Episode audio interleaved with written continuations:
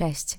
Mój pierwszy podcast będzie poradą, a raczej zbiorem porad, które mam nadzieję odmienią Waszą jesień na tyle, by się nią wręcz delektować. Zanim do nich przejdę, chciałabym także Was poinformować, że każdy podcast będzie charakteryzował się zupełnie czymś innym.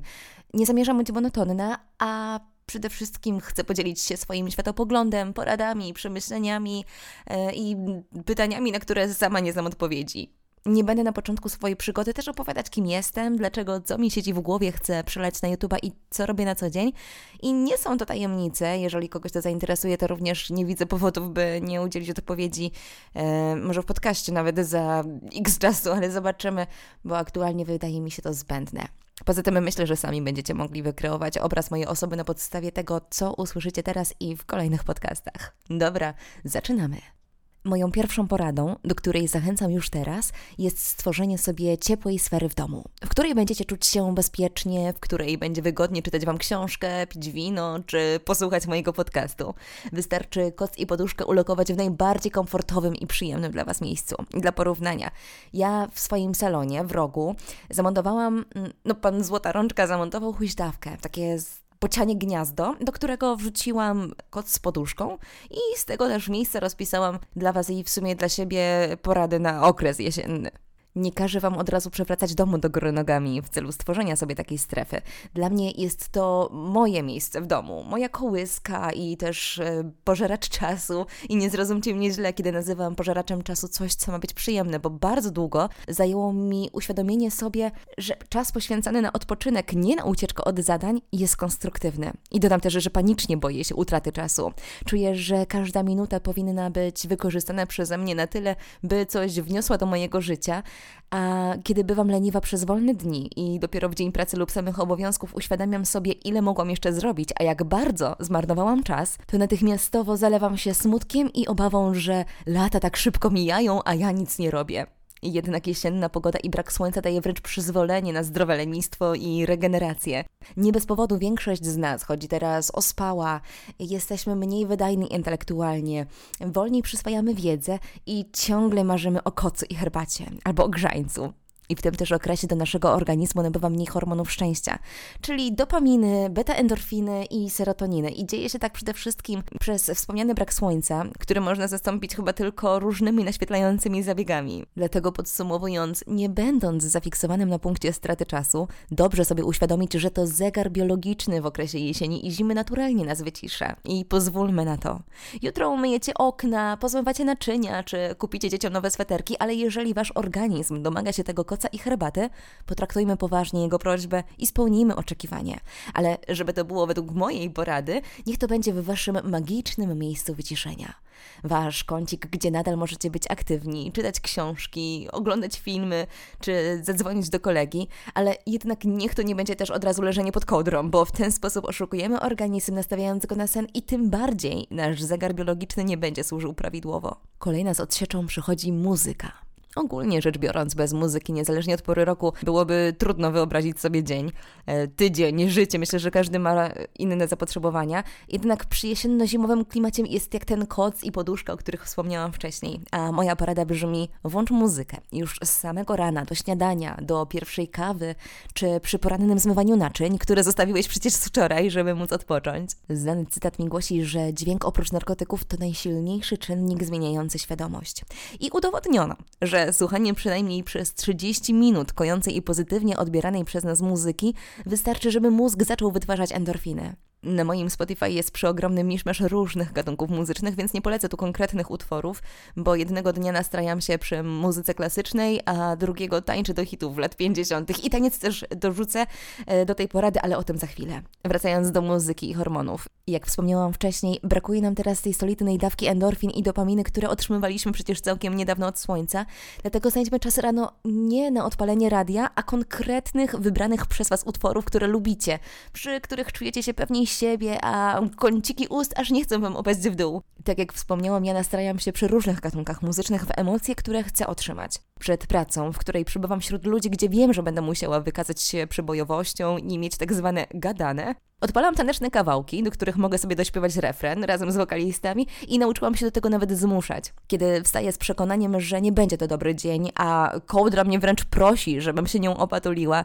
to mimo ciężkiego z nią rozstania wstaję, myję zęby, odpalam Xboxa, na którym korzystam ze Spotify i wierzcie mi, że po wybraniu utworu z biblioteki tam wybranej przez siebie naprawdę dzień lepiej się zaczyna i kawa lepiej smakuje i nawet bardziej wydajny jest start w pracy. Dzięki muzyce nabieramy więcej energii i stres także nam jej nie odbierze, ponieważ poziom kortyzolu, czyli tak zwanego hormonu stresu, obniża się właśnie słuchając przyjemnej dla naszego odbioru muzyki. Odnośnie tańca, to niech to będzie moja krótka, ale również istotna kolejna porada, a zainspirowałam się nią poprzez słynny w ubiegłym roku Cosmic Dance, polegający na spontanicznym tańcu do muzyki, szukaniu napięcia w mięśniach podczas tańca i próby rozluźnienia tych partii e, ciała, które są spięte. Istotne jest właśnie bycie spontanicznym i poddanie się muzyce, żeby to ona prowadziła nasze ruchy, a nie my świadomie próbowali dopasować się pod nią. I nie myślimy wówczas, czy wyglądamy głupio, albo czy taki układ taneczny pasuje.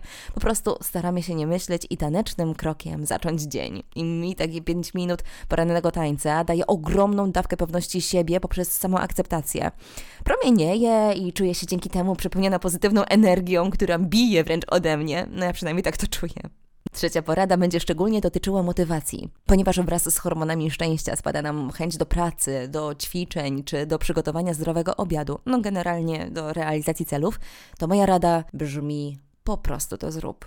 I teraz macie czas na parsknięcie, czy wybuch śmiechem, ale zarówno konstruktywna praca, ćwiczenia, czy też zdrowy i przede wszystkim smaczny posiłek wytwarza w nas endorfiny.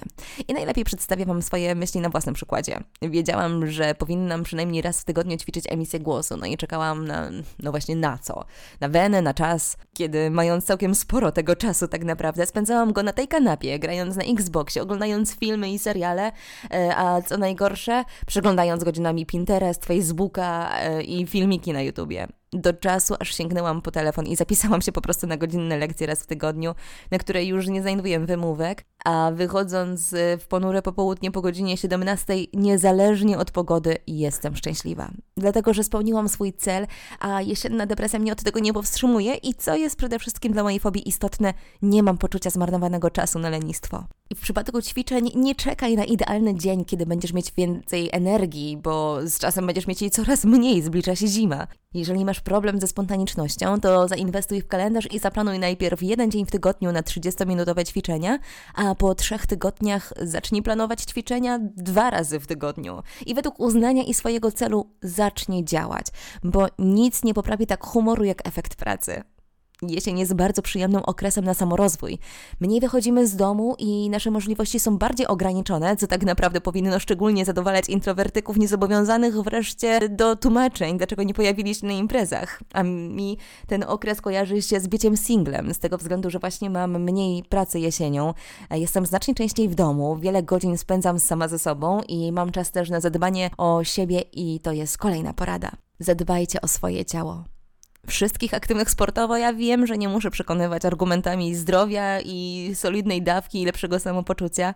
Jednak ten podcast jest również skierowany do takich jesiennych leniuchów jak ja, a więc moje bratnie dusze, które miały urodzić się w ciepłych krajach, ale los wybrał inaczej. Udajcie się na spacer. Dla jasności, spacer w naturalnym otoczeniu w mig poprawi wasz nastrój. Wasze mięśnie zostaną zmuszone do funkcjonowania, a dla mózgu zaoferujecie solidną dawkę tlenu. I co więcej, podczas spaceru możemy oderwać się od rutyny, myśląc o sobie, na co w domu czy w pracy możemy nie mieć czasu.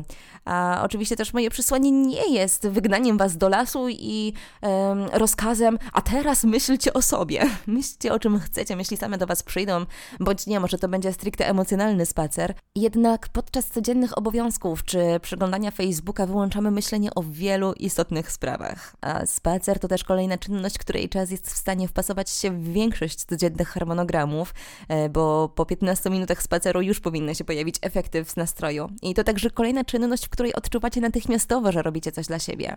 Poza spacerami i istotnym ruchem dla naszego organizmu, warto także zadbać o cerę.